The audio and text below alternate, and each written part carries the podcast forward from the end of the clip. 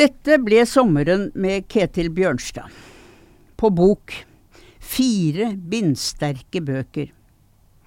Hans selvbiografiske romansyklus i seks bind er et betydningsfullt stykke samtidslitteratur. De omfatter hans verden fra 60-tallet frem til 2020. Og vi som lever samtidig med ham, skylder oss selv å lese bøkene. For de handler jo om oss også. Selv greide jeg altså fire. Jeg hoppet på 80-tallet og fullførte løpet frem til 2020 denne sommeren. Det har vært en kraftprøvelse på flere måter. Ikke at jeg skal være bokanmelder, jeg skal bare gi noen føremeldinger om hvordan og hvorfor jeg altså levde med denne viktige kulturpersonlighet uke etter uke. Lydbok er nemlig tingen, egentlig hele året, men ikke minst i sommerlyse dager og netter. Å sitte ute på balkong eller i hage eller ved havet, selv i skyggen, så sliter det på øynene når man stirrer ned i bokside på bokside.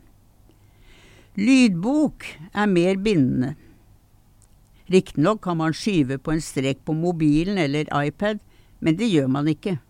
Man har mobilen på skulderen, i lommen, på armlenet, og sitter i tung ro, nyter utsyn, strikker, mens man fengsles av det skrevne ord, opplest av enten forfatteren selv eller en skuespiller. Ketil Bjørnstad leser ikke selv.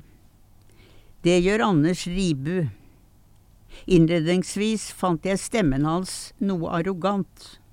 Ketil Bjørnstad er ikke det, nemlig. Men jeg ble fengslet, jeg ga meg over. Kultur-Norge er felles for oss begge. Musikken, litteraturen. Menneskene så vel bak disk som på scenen. I forlag som i opera. Kari Grimnes, Ole Paus, Amalie Kristi osv. osv. Ketil Bjørnstad er en gigant som musiker. Ufattelig trofast, ufattelig utøvende i den ganske verden. Det er så imponerende.